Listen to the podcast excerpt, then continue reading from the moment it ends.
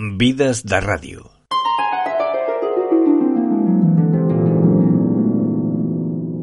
Marisol Castillo va començar profesionalment als informatius de Ràdio Barcelona. Yo me acuerdo, ahora estoy mm, recordando una entrevista que le tuve que hacer antes, cuando el gobierno de Arias Navarro, a Licinio de la Fuente, era el primer ministro que yo entrevistaba, era entonces, si no recuerdo mal, exacto.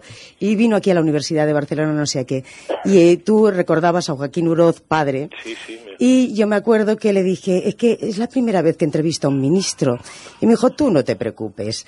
Y allá que nos fuimos, y cuando viene el ministro, yo es que estaba absolutamente alucinando pepinillos, no sabía ya qué le tenía que preguntar, y él, que me vio así, en este estado nervioso de chica de 23 años, pues, eh, bueno, muy diferentes a las de ahora, por cierto, eh, pues entonces... Luego, em, luego nos aclaras eso. no, quiero decir que ahora son mucho más espabiladas. Mis 23 años eran, eran casi de niña.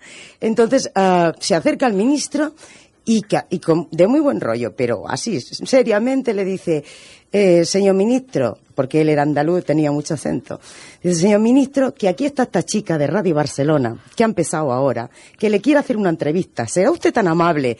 Y aquel hombre se deshizo. En, en- entonces conmigo fue súper amable. Era una osadía. mm, eh, mm, Bueno, una aventura, ¿no? Era, eh, para todos era una aventura y por lo tanto teníamos una osadía que en, aquel- en estos momentos yo mm, realmente pues me gustaría volver a tener.